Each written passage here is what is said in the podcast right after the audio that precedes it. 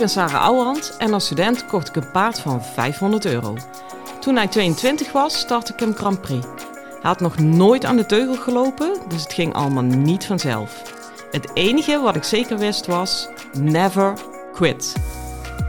Ik verslond alles wat ik kon vinden over de biomechanica van ruiter en paard. Dat testte ik net zo lang totdat ik wist wat echt werkte. In deze podcast leer ik jou alles over je rijtechniek, je houding en zit en je mindset.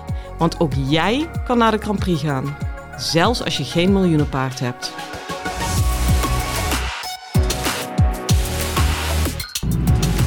Hi lieve paardenmensen. Nou jongens, het zit erop. De eerste dag van de vierdaagse masterclass in Deurne. Ehm, nou, hoe zeg je dat? Moe, maar voldaan. Ik moet je eerlijk zeggen, de eerste dag vind ik echt altijd by far het spannendste. Uh, niet om het lesgeven zelf, want daar draai ik echt mijn hand niet voor om. Maar de eerste dag is de dag waarop de groep zich vormt. En die vind ik altijd heel erg spannend. Uh, omdat ik met mijn goede fatsoen van alles en nog wat kan regelen en prachtige lessen kan geven. Maar als de groep niet draait, dan uh, heb je maar de helft van je vierdaagse. Dus het is altijd, ja, weet je, onderling kent bij lange na niet iedereen elkaar. Soms wel één of twee, misschien soms drie. Maar de rest is natuurlijk altijd wel even afwachten. Um, ook deze groep staat weer, daar ben ik heel blij mee. En het is ook wel, en dat vind ik iedere keer een genot om te merken. Ik heb eigenlijk nog nooit een groep gehad die niet draaide onderling.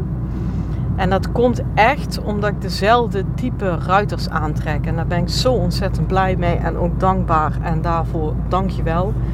Uh, en wat bedoel ik daar eigenlijk mee? Ik heb echt wel een, uh, een Ranger is eentje. Volgens mij rijdt hij geen wedstrijd. En die zit nog in BL1 gebied. En ik heb een uh, Grand Prix ruiter. En daartussenin zitten wel de zware, zwaardere jongens. Um, en toch zijn ze hetzelfde in de zin van ze zijn hetzelfde in de instelling. Uh, de ruiters die op mij afkomen zijn toch wel door de bank genomen mensen die snappen dat het begint bij zichzelf. En dat betekent dus dat iedereen eigenlijk die bij mij komt per definitie bereid is om naar zichzelf te kijken. Um, want anders lig je niet bij mij in de matlessen. Dan denk je, ja, mijn paard moet lopen. Ja, en dat merk je dus ook in zijn groepsdynamiek. Um, er is gewoon geen geouwehoer, geen vervelend gedoe. Omdat mensen gewoon ja, relaxed naar zichzelf kunnen kijken, verantwoordelijkheid kunnen nemen voor hun eigen proces. Um, en dat betekent dus ook gewoon geen vervelend gedoe onderling. Ja, dat is gewoon hartstikke fijn. En iedereen zat aan de kant echt continu mee te kijken ja, daar heb ik ze ook bij de opening echt op het hart gedrukt. Weet je, dat is zo'n essentieel onderdeel van deze vierdaagse. Uh, dat maakt nou net het verschil tussen gewoon een les bij mij nemen en zo'n vierdaagse. Dus dat je eigenlijk op alle fronten leert. En wat heel erg leuk was, ik had de laatste les, was die Grand Prix Ruiter. En toen kwam iemand naar me toe die misschien weer een keer M gaat starten. Dus die, staat op, die start niet eens meer. Uh, en als ze gaat starten, misschien een keer M. Um, en die kwam helemaal enthousiast naar me toe. Ja, weet ik, weet je wat ik nou zo leuk vond? Is dat eigenlijk, ik heb naar die uh, Grand Prix les zitten kijken. En daar heb je eigenlijk precies hetzelfde mee gedaan als met mij. Alleen dan net met een, op een ander niveau natuurlijk. Ik zeg ja, en precies dit is wat ik bedoel. Dus jij hebt geleerd van door haar na te kijken. Maar zij heeft bij jou zitten kijken. En als het goed is, nou haar paard op stand zetten en even uit en blazen. Valt bij haar ook het kwartje van hé, hey, maar wat ik bij die ruiter zag, dat was eigenlijk wat ik vandaag gedaan heb. Ja, weet je, dan ga je op één dag gewoon tien keer zo hard als met een gewone les voor jou. Ja, dat, dat vind ik echt fantastisch. En het bleek ook maar op met één les uitgezonderd. Maar dat was een beetje een apart uh, geval. Er was ook een paard die eet instructieoortjes op, letterlijk. Dus ja, weet je, dan ben je wel een bijzondere vogel. Want ik moet echt. Uh, ik kan haar niet vanaf dat ik normaal sta je naast de hals of het hoofd van een paard. Dan geef je het oortje aan. En bij hem moet ik achter het zadel gaan staan. Om het oortje aan te geven om mijn eigen oortje veilig te houden. Want hij komt met zijn dikke kop naar je toe en hij vreet gewoon de oortje op voordat je het in de gaten hebt. Ja, Jezus, moet ik daar nog iets over zeggen? Dus dat was een beetje een uh, aparte les, want die is ook apart in Hilsen doen en laten. Maar met alle andere ruiters um, heb ik echt eigenlijk maar aan één ding gewerkt. Nou, aan drie dingen. Schoudercontrole, schoudercontrole, schoudercontrole. Gaf dat al de vorige podcast aan bij uh, de voorbereidingen op Deurne over dat goed hoeken rijden. Jongens, dat, daar zit echt alles in. En ik grapte eigenlijk uh, aan het einde van de dag van ja, weet je, eigenlijk als je, als je strikt genomen bekijkt, heb ik eigenlijk alle lessen van voor naar achter gewerkt. Want ik begin alleen met de emmer over die schouders. En uh, ervan uitgaande dat een paard fatsoenlijk naar voren loopt. Hè? Want daar blijft het natuurlijk beginnen. Maar ik zat net te denken op de terugweg van ja, weet je, is het wel zo? Werk ik dan werkelijk van voor naar achter? En op het eerste gezicht misschien wel. Omdat ik natuurlijk hartstikke over die voorhand zit te zagen. Maar eigenlijk helemaal niet. Want schoudercontrole betekent ook dat datgene wat je aan de achterkant erin stopt, kunt houden in de cirkel van je paard. Dat is voor mij schoudercontrole. Als je geen schoudercontrole hebt, dan kun je aan de achterkant er zoveel in stoppen als dat je zelf wil. Aan de voorkant loopt het dan toch weg. Dus dan heb je helemaal niks. Snap je? Um, daarbij zei ik natuurlijk wel, daar zit natuurlijk de voorwaarde aan vast dat er achter wel iets komt. Maar ik heb liever, uh, dan moet ik het goed zeggen, dat er net aan voldoende impuls aan de achterkant komt. Maar dat je dat aan de voorkant vanuit die schouders zo perfect begeleidt. Dat datgene wat je erin stopt in ieder geval volledig in je baar blijft.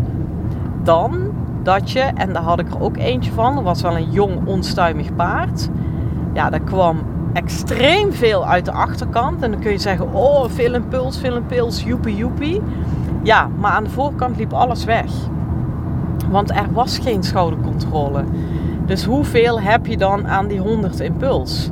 Redelijk weinig natuurlijk, hè? Dus dat is natuurlijk wel een spelletje wat je moet gaan spelen. Um, je moet natuurlijk ook niet te safe gaan rijden. Zeker bij die van mij, als ik hem wat meer op expressie wil rijden. Dan zoek ik echt de grens op van, ja, nou stop ik erachter zoveel in. Dat ik het aan de voorkant net verwerkt krijg. Um, maar het blijft wel daarop. En ja, weet je, je kunt er aan de voorkant nog meer in willen stoppen. Als je het niet verwerkt krijgt, dan heb je niks. Nou, kijk, dan heb ik het natuurlijk over schoudercontrole. Eigenlijk heel simpel. Loopt hij niet over die buitenschouder weg? Zit daar geen energielek? Um, ja, ik heb al een keer eerder een podcast opgenomen over de buitenteugel. Je kunt het alleen met de buitenteugel opvangen tot op zekere hoogte. Als hij echt door die schouder is heen gevallen, dan tik ik hem terug met mijn buitenbeen. Dus die was vandaag extreem belangrijk. Van draai je nou echt een volte vanuit je buitenbeen. Dus als je naar links een volte draait, rij je die vanuit je rechterbeen. Want dan zorg je ervoor dat je dus niet dat energielek hebt aan de buitenkant. Maar schoudercontrole ligt voor mij ook wel nog een laag anders. Um, ik had ook een zeer getalenteerd paard uh, in, het, in de ring, moet ik zeggen, in de baan. Ja, die um, neemt heel snel een houdingje aan. En wat hij doet in zijn houding aannemen, dan knijpt hij eigenlijk bij de schoft. Die zet hij vast. En uh, daardoor komt hij in een soort van houding terecht, die dan nog wel min of meer correct is. Maar eigenlijk denk ik, ja, als je zo een jaar lang rijdt, dan ga je nat. En dan gaat schoudercontrole voor mij veel meer over die schouderbladen, blijven die rollen. Knijpt die niet in de schof, maar blijft die, ja, ik zit het nou uit te beelden, daar heb je natuurlijk helemaal geen ene fluit aan, want je ziet me niet. Maar blijft die uh, ja, rollen in die schouders, die, die schouderbladen goed naar voren en naar achter uit? Of wordt het zo'n geknepen schoft? En omdat hij toevallig veel talent heeft, heb je nog wel een voorbeen, maar er zit niks rollends meer in. Nou, als je dat hebt, ga ik dus juist heel erg, ik noem dat altijd door de schouders heen, naar links en naar rechts sturen.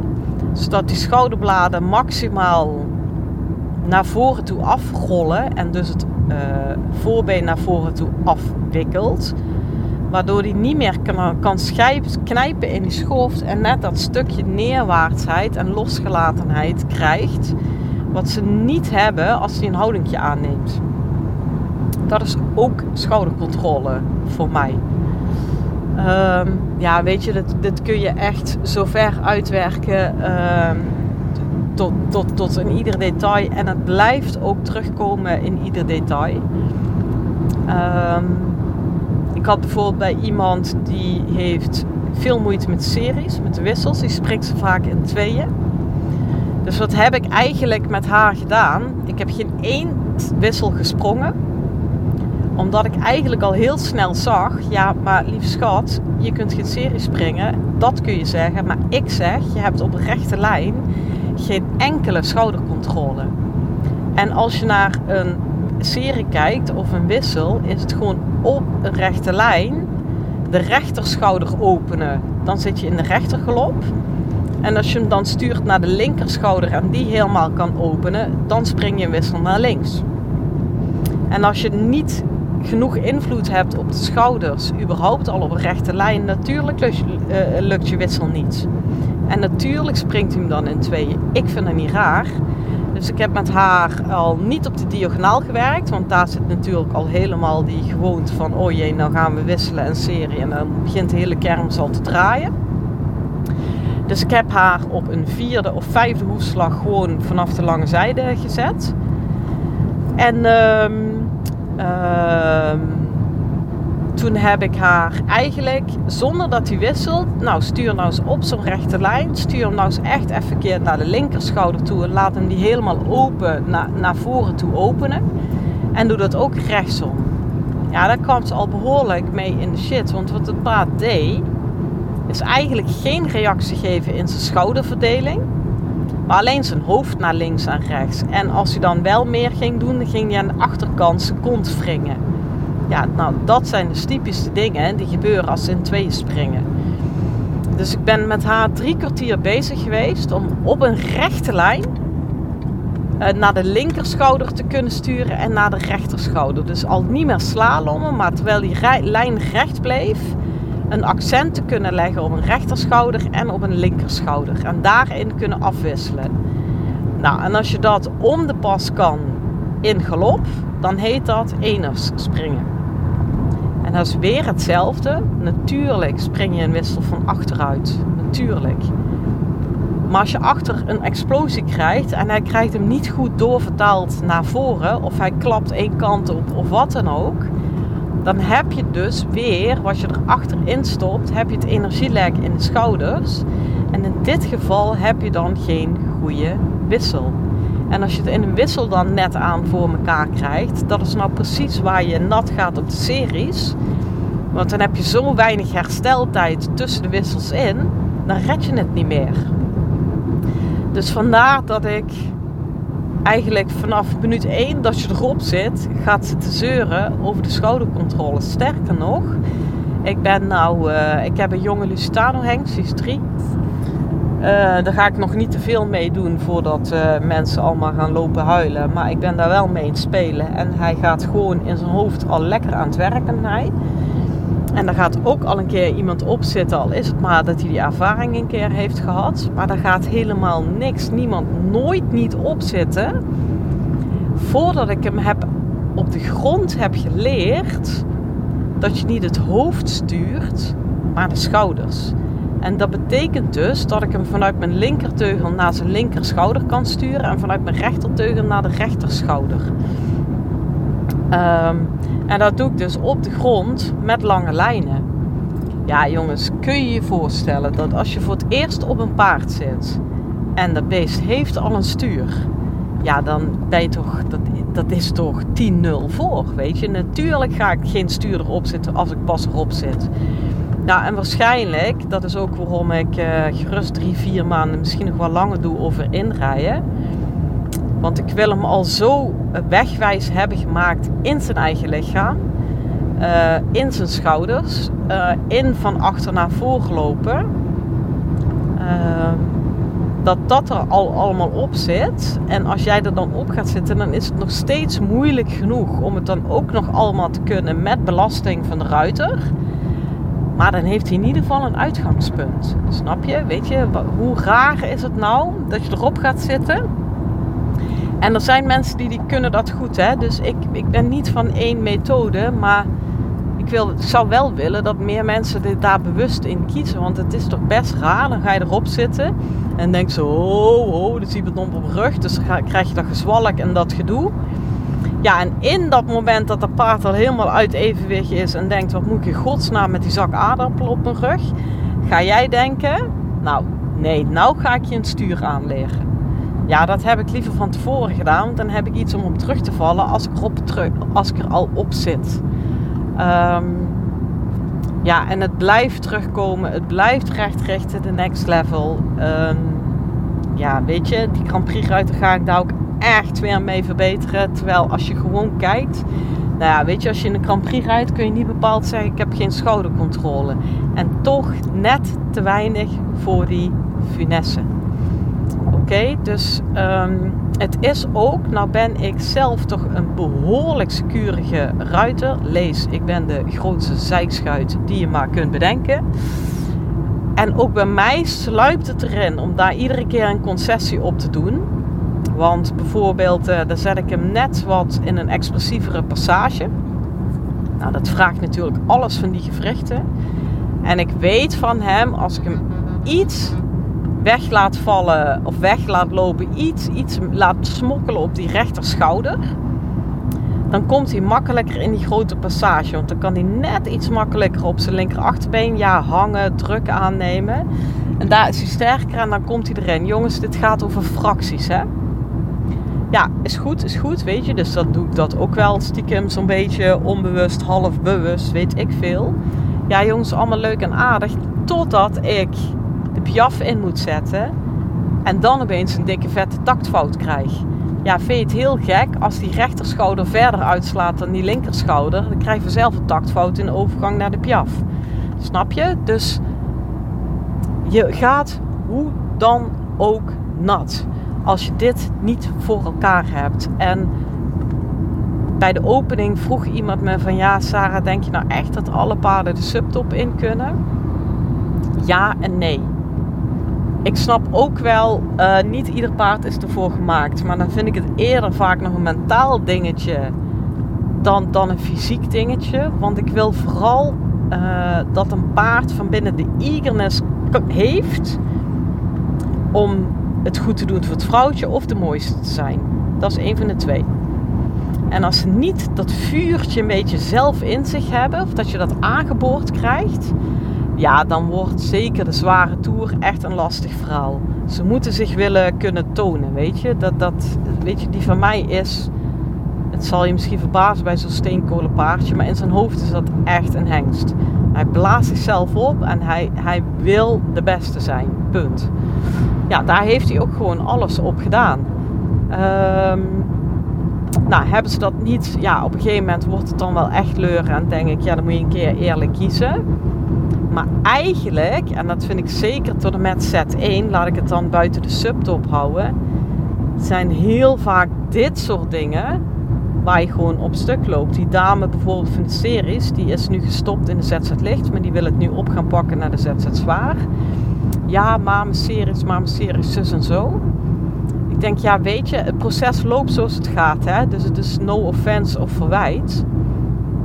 Maar het had niet hoeven stoppen in die ZZ licht als je in de L1 je al je schoudercontrole in elkaar, voor elkaar hoeft te hebben. Want ze kwam daarna naar me toe en zegt ze, ja Sarah, eigenlijk ga jij een volte precies hetzelfde zoals ik een pirouette draai. Ik zeg, ja, dat is nou net het punt. Maar je hebt je voltes niet voor elkaar, niet echt, waardoor je heus nog wel scoort in de B, L, M en voor mij wordt ook nog de Z maar waardoor jij je pirouette nu niet gedraaid krijgt. En dan zeggen ze naar mijn smaak veel te vaak en veel te snel. Ja, dit is het wel zo'n beetje. Verder komt hij niet. Denk, nee, ja. Dat, dat, dat, dat geneuzel in, in die basis is niet voor elkaar. En Ze moeten vaak aan mij lachen van ja, jij bent altijd over de laatste 5% die dan niet in orde is. Ik zeg ja, maar ik zaag jou nu door op die 5% waarop jouw volte niet in orde is. Omdat ik weet dat jij straks dan met twee vingers in je neus je pirouette kan draaien. Snap je? En ik zaag je nu totaal door op je schoudercontrole. Omdat ik weet dat jij dan niet strandt in die klote M2. Ehm, want daar komt alles samen waardoor je op dit soort dingen nat gaat. Dus ik heb het maar weer een keer erin gepeperd. Niet om te prediken. Maar omdat ik echt iedereen ontzettend gun dat je juist deze breekpunten voor jezelf niet hebt. Ehm, ik zit nou zelf op een heel interessant stukje. Ik heb natuurlijk die Grand Prix geneeld. Ja, mijn doelen vielen in één keer weg. Het was ook nog een foutloze proef. Waarin ik nul verbeterpunten had. Uh, in ieder geval niet voor wat hij nu waar hij nu staat. Kijk, het kan wel beter. Maar op het punt waar we nu stonden kon het echt niet beter. Dus ineens viel er heel, ja, die externe prikkel viel weg. En uh, ja, weet je, dan kan ik heel hard roepen van nee, het gaat om mezelf en mijn eigen dingetje en van binnen. En ja, maar zodra die externe prikkel wegvalt, dacht ik wel echt even van ja, fuck, weet je. En nu? Waar ga ik het vandaan halen? Waar ga ik mezelf op aanzwengelen? Ik, ik, heb het echt even niet geweten, daar ben ik heel eerlijk in. En ik ben doorgegaan op trouwheid naar mijn paard. Omdat ik weet dat hij wil. Toen dacht ik, ja jongen, heel eerlijk. Ik ben zo moe van binnen hiervan. Wel moe, maar voldaan. Maar echt wel moe. Voor mij hoeft het niet meer. Maar ik voel dat jij nog wil. Dus dan, ik laat je nou niet vallen. En het is nou ook niet zo, oké, Grand Prix, klaar, weg, weet je. Veel zwart-wit gezegd. Uh, maar ja, hoe dan de motivatie opbrengen wist ik ook even niet. Totdat we gisteren echt in een les zo ongelooflijk door ons plafond heen zijn gebroken. Dat is extreem, gewoon niet normaal. Dat je denkt, het kan echt nog steeds beter. Ik zag dat terug op een filmpje. Ik wist zelf niet wat ik zag, want ik moest er zo aan rijden dat ik geen ruimte had om te voelen hoe goed het eigenlijk was. Ja, jongens, kippenvel, de tranen sprongen in mijn ogen. Ehm, dan, ik weet niet, het is bijna iets spiritueels als het samenvalt met je paard. Het, is zoiets moois. Uh, en daarom timmer ik hierop. Dit heeft met elkaar te maken. Misschien denk je dat ik een andere afslag neem. Dit gun ik iedereen zo ontzettend. Met heel mijn hart. Um, je hoeft hier niet op vast te lopen. Dit vraagt om focus. Dit vraagt om consequent zijn. Dit vraagt om iedere keer opnieuw jezelf erbij te trekken. Pak een instructeur die hier continu op let. En doe er alsjeblieft je voorbeeld mee. En ga in godsnaam de hemel bij elkaar. Want daar wordt de paardenwereld pas leuker van. Nou, je hoort het. Ik zit er helemaal in. Um, ja, morgen dag 2. Ze zijn nu uh, lekker gaan uh, uit eten. Ik heb uh, overgeslagen, want ik, ik, ik val echt om. ik moet morgen weer negen lessen. Ik geef ook alleen maar privélessen. Daar sta ik ook echt voor. Maar goed, je snapt wat dat van mij vraagt. Dus ik ga lekker naar mijn eigen huisje met de pootjes omhoog.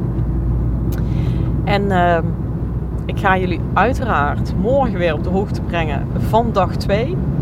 En dan wens ik je voor nu een hele fijne dag en veel plezier met je paard. Hoi! Lieve ruiters, dit was hem weer voor vandaag.